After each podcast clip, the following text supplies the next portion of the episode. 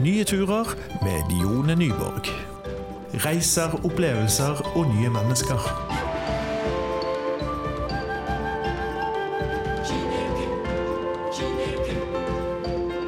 Ja, velkommen til eh, første program, rett og slett piloten til eh, Nye turer med Jone Nyborg. Og der er det jo sånn at eh, jeg sitter jo trygt og godt hjemme. Det er jo ikke meg som er på nye turer, men jeg intervjuer ulike personer som er det. Og i dag så har jeg fått med meg Ingolf Stokkeland. Og Ingolf, kan ikke du fortelle litt om deg sjøl? Ja, jeg heter Ingolf, ja, og jeg jobber jo på Agder folkehøgskole. Eh, Jeg er fotolærer på ei linje som heter fotoopplevelse. Så i det navnet så ligger det jo litt sånn eh, reise, så dette programmet passer jo perfekt.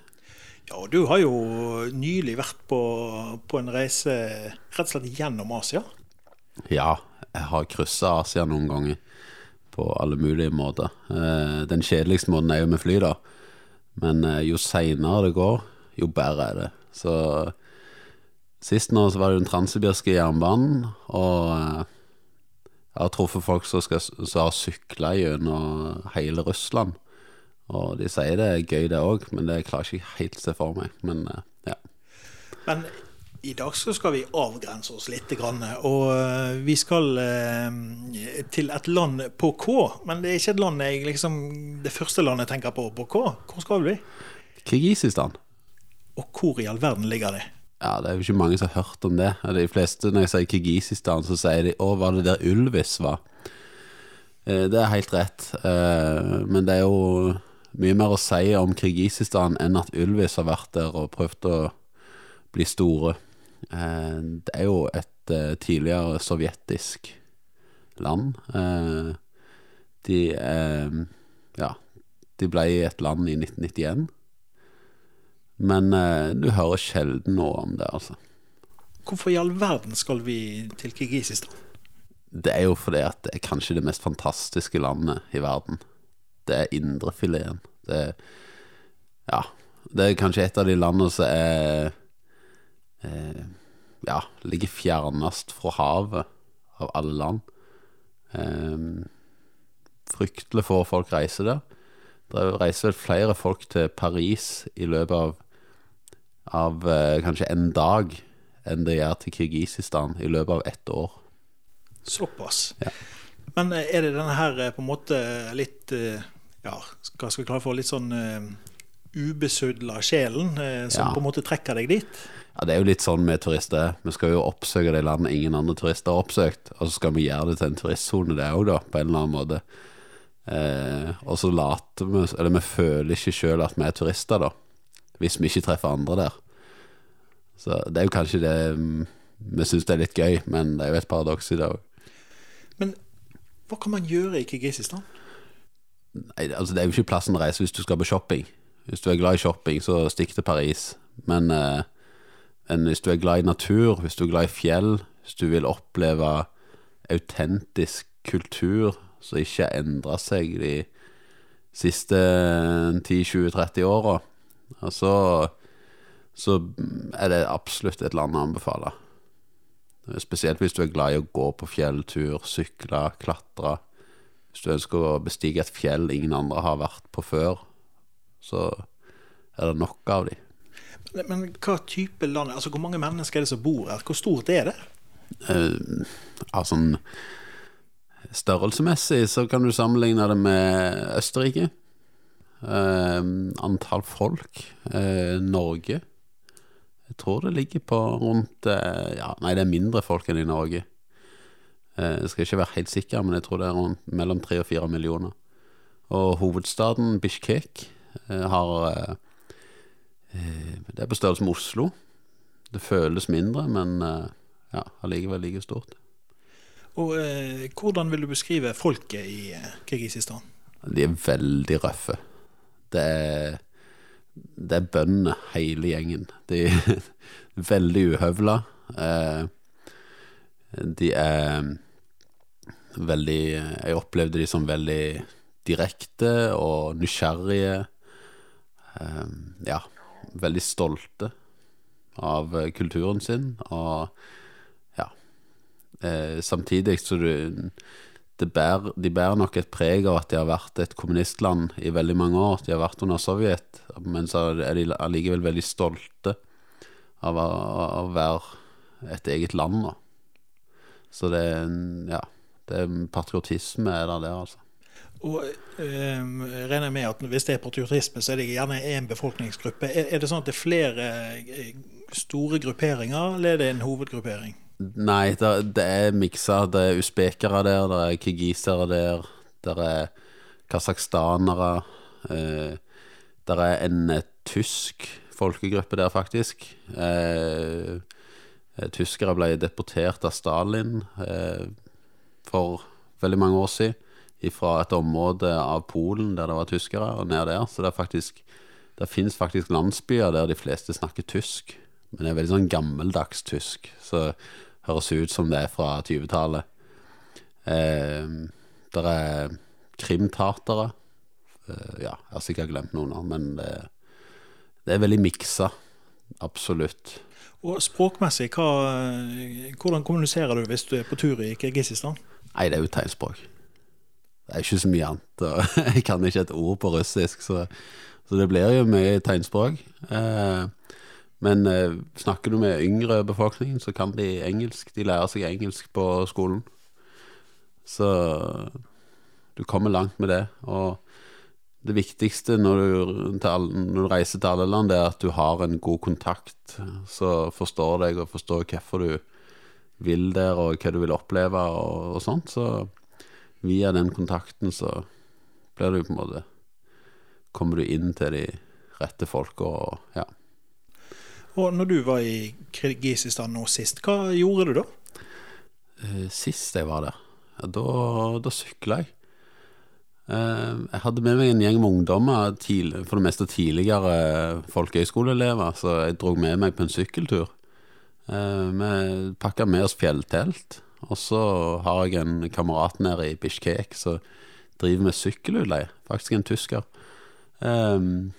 Og han lånte vi for en uh, billig penge skikkelig uh, Skikkelig offroad-sykler. Og for uh, noen få kroner så ble vi kjørt opp til et fjellpass og sykla i Ja, det var vel 330 km i høyfjell. på grusveier, dårlige veier og enda dårligere veier og fryktelige veier i eh, høyfjell og tynn luft og ja, vaskebrettveier, alt du kan tenke deg. Så ja, en skikkelig eh, tur. Og Der reiser du altså med en gruppe ungdommer. Hvordan eh, planlegger man noe sånt? Altså, Trenger du visum for å komme deg til Kirgisistan, eller hvordan, hvordan reiser du fra Norge? Ja, nei, du, Jeg vil anbefale å bestille billett via Turkish Airways. Eh, først og fremst for at eh, det er kanskje det billigste alternativet. Men òg fordi at det sannsynligvis er verdens beste flyselskap. Jeg har aldri flydd med et, eh, et flyselskap før der jeg eh, syns faktisk maten smaker godt. Eh, og det gjør det hos Turkish Airways. Så dette kunne vært en stor reklame for Turkish Airways, da. Men absolutt sjekk Turkish Airways. Og for å komme inn i landet, så viser du det norske passet ditt. Det er alt som trengs. De kommer til å se på passet ditt i eh, fem sekunder, ti sekunder, og så stempler de og slipper deg inn. Så enkelt er det. Ingen visumplikt. Eh, det er et land som ønsker eh, turisme, spesielt fra rikere land. Så, så de aller fleste vestlige, vestlige land har ingen visumplikt inn til Russland. Nå er jo du en, en, en, en mann i 30-årene, men du tar jo med deg ungdommer som gjerne er 20 eh, og under. og Hvordan er det for, eh, for de yngre å oppleve et sånt land? Ja, det, de fleste jeg reiser med, de har jo ikke opplevd annet enn de her standard turistlandene. Og eh, ja Veldig mange som reiser til turist, eh, vanlige turistland, de de slipper på en måte å tenke så veldig mye. Alt går av seg sjøl, alt er lagt opp for turisme. Eh, men eh, når jeg tar de med til sånne land der ingenting er lagt opp for turisme, så, så blir jo gjengen blir mer fokusert og ja, du må, du må følge med litt for at eh, ting skal gå, ikke skal gå galt. Men, men så finner de til slutt ut at det er jo ikke mye som kan gå galt, og de føler seg trygge etter hvert. Og ja, og tenker hvorfor har jeg aldri vært her før, og hvorfor har ingen andre reist her før?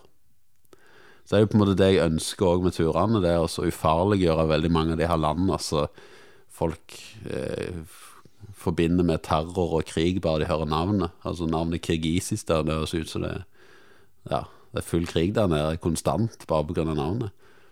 Men eh, det er et fredelig land. Det er et demokratisk land. Det er et land med ytringsfrihet. Det er et land der, der du kan uttale deg kritisk mot eh, presidenter uten å bli halshogd.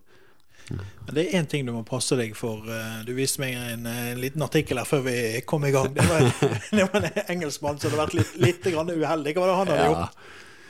Ja, han hadde vel vært litt spydig om, eh, om eh, den kirgisiske Det er vel ikke akkurat nasjonalrett, men det er en av stolthetene til Kirgisistan. Det er at de spiser hestepenis. Det er en slags pølse som de sitter og tygger på. Eh, jeg har aldri prøvd det, men det var jo en engelskmann som var litt uheldig å, skrive noe spydig på Facebook om det. Det endte med at eh, de ansatte i gruva som han jobba i, de streika. Og det her ble tatt videre til høyere hold, og det endte med at eh, de kasta han ut av landet. Så sånn kan det gå. Så det, det, er ting du ikke spøker med. det Nei, og hestkuk er det på en måte ikke, ikke Du slipper billigere unna i Nord-Norge. I Nord-Norge kan du ta den, men dropp den i Kirgisistan. Eh, men eh, la oss si at jeg nå eh, hiver meg med og, bestiller på Turkish Airways og skal til Kirgisistan og, og, og tar med kona, da. Mm.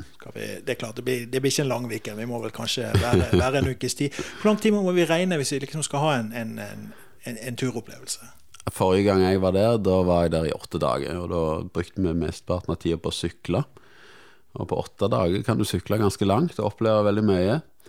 Men hvis du er av den typen som skal få med deg alle turistattraksjonene, så, så vil du jo trenge litt tid. Men jeg ville bare ikke anbefalt dere å, å tenke turistattraksjoner. For Kirgisistan har ikke så mye å snakke om der, altså.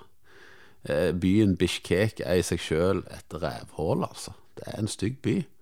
Det, det er en eh, lite sjarmerende Det er Alt er liksom så ja, de prøvde å få det til å se litt staselig ut noen plasser, men det kan jo ikke måle seg med europeiske byer, tyske byer, Frankrike og Italia. Ellers er det jo en del sovjetblokker som du fort blir lei av å se på. Eh, og turistattraksjon ellers, det kan være noen gamle tårn som har en spesiell historie, eller noen bygg. Men, men ikke reis til Kirgisistan for å se på bygninger. Eh, reis til Kirgisistan for å på en måte møte folket, eller se naturen, eller klatre, brevandring, sånne ting. Eh, og da, da kan du oppleve veldig mye på én til to uker. Jeg ville ikke gjort det på under to uker. Nei, under, under ei uke. Det ble for kort. Jeg er jo en mann som kanskje ikke er anlagt for liksom ikke bygd for fjellklatring, kan du vel eh, det kan jeg eh, bevitne. slå fast. Og jeg blir jo litt bekymra når du på en måte eh, snakker veldig varmt om flymaten, for da tenker jeg hvordan i all verden er da maten i Kirgisistan? Nei, det er vel ikke så veldig mye å snakke om. Eh, det, for det første så har det Hvis du skal ha mat, vestlig mat, så fins det vel egentlig bare én plass i hele landet du kan få kjøpt vestlig mat, og det er i Bishkek ellers i landet så, så er det nesten ikke matbutikker. De fleste folk dyrker mat sjøl og kjøper mat og bytter til seg mat av naboen. Eh, det ble litt utfordring på sykkelturen. Vi hadde heldigvis pakka med oss veldig mye mat, men, eh, og hadde en følgebil som kjørte mat for oss. Eh, men langs veien så kunne vi komme til landsbyer der det var kanskje en liten kiosk og det de solgte på kiosken, det var vodka, tobakk, te og salt. Eh, var du heldig, så hadde de litt dopapir i tillegg. Og det var jo luksus for oss.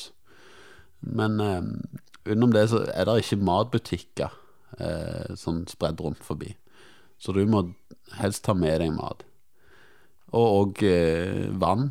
Hvis du reiste til deler av landet der det ikke er rennende drikkevann fra fjellet, så bør du ta med det. For du kan komme til en landsby der de, det eneste vannet de selger, det er Farris. Ellers må du klare deg med øl og vodka. Tobakk og, og alkohol, det får du tak i, men eh, dopapir og vann er liksom eh, De er dårlige på det. Men før nå Rema-Reitan hører dette her og dundrer i gang med å, å, å bygge Hvis vi skal ut og reise litt, så er det lurt rett og slett å ha med seg eh, noe næring i sekken.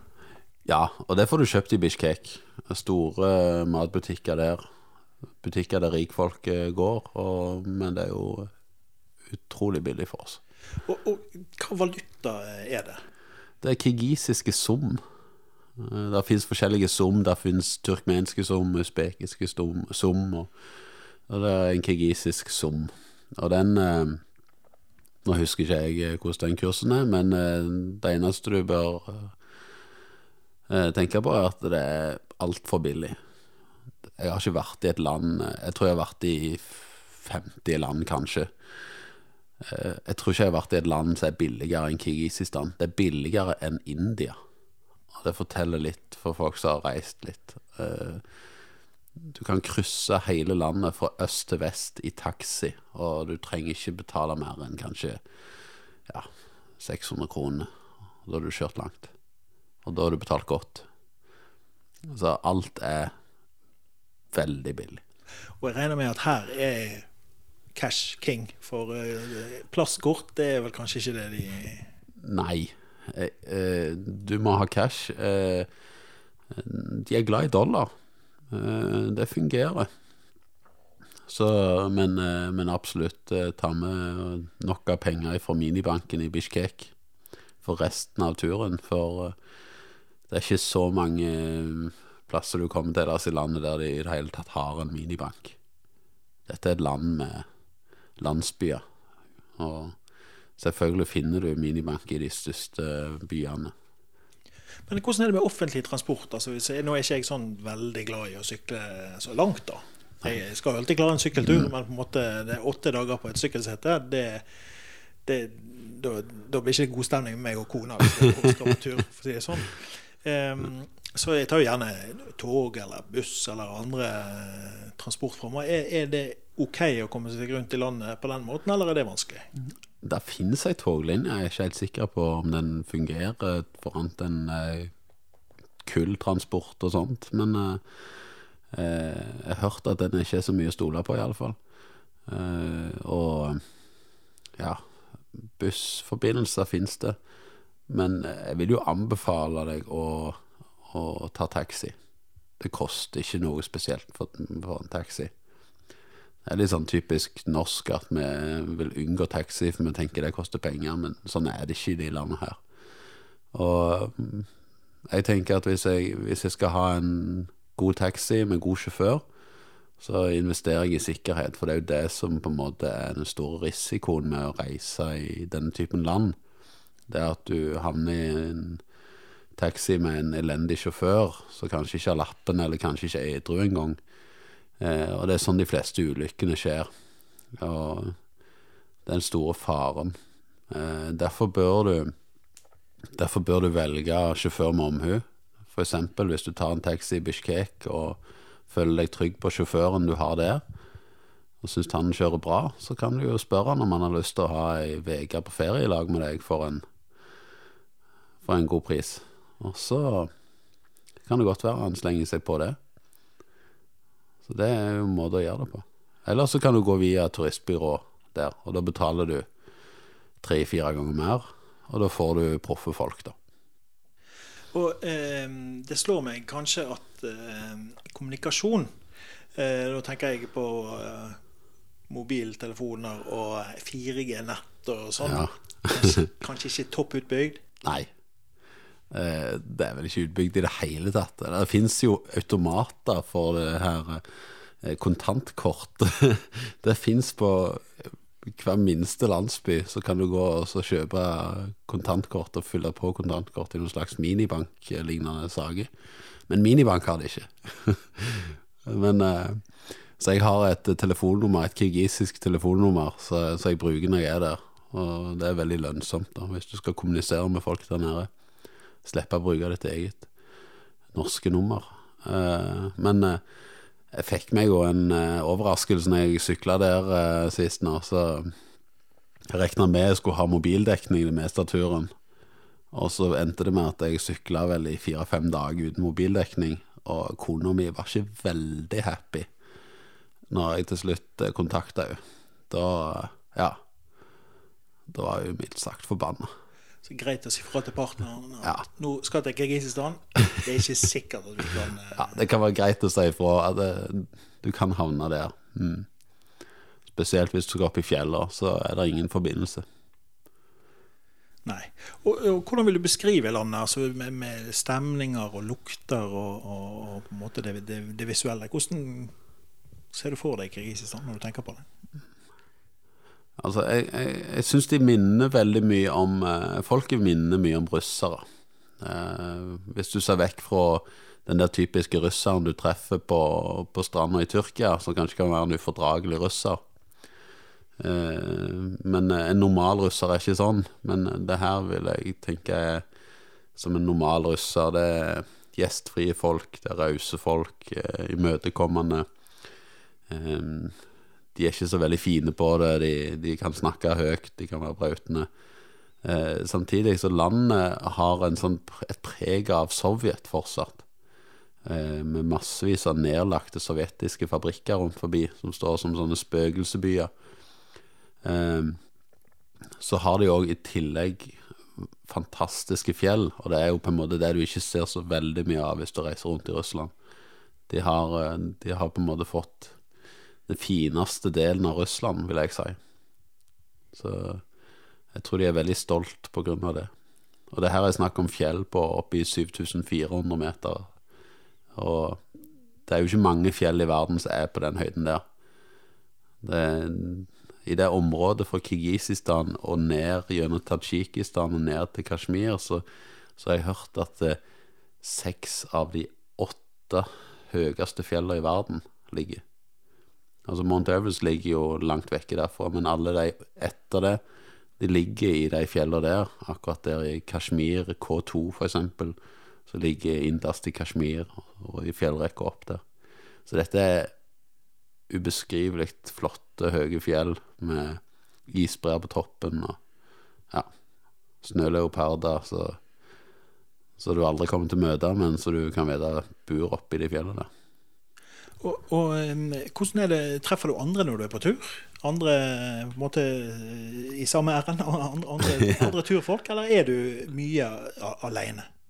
Jeg treffer jo andre. Jeg treffer jo likesinnede europeere og canadere. Jeg traff sist et ektepar fra Canada som sykla motsatt retning. Eh, Så jeg traff, og de eh, var like entusiastiske som meg.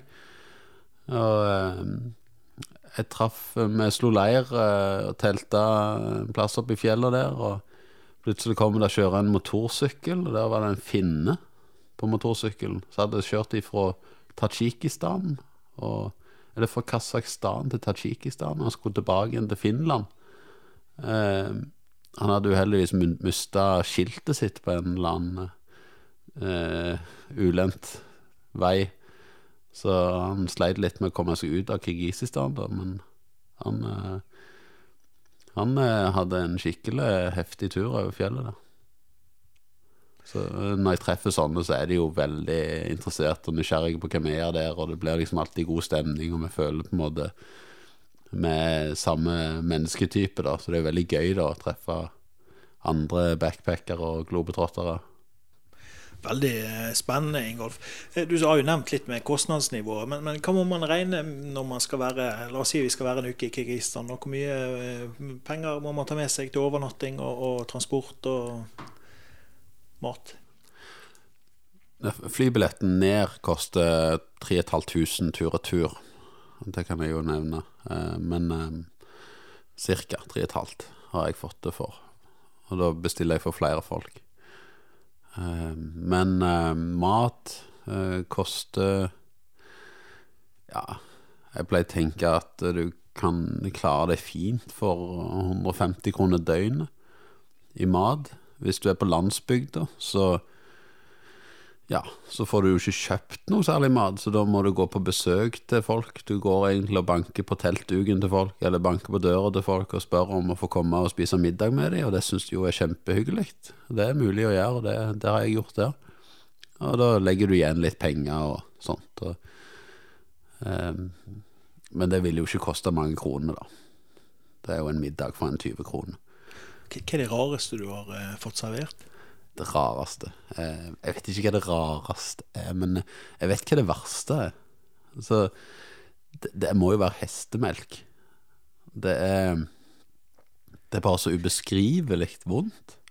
Eh, eh, altså Hvis jeg skal prøve å beskrive det altså det, det, er jo en, en, Den nasjonale drikken i Kirgisistan, det er gjæra hestemelk. De har ei, tiliters bøtte. Der de, de eh, får oppi litt hestemelk og lar den stå i lag med noe slags krydder de blander inn i det her. Og så lar de den stå en stund, så den begynner å gjære.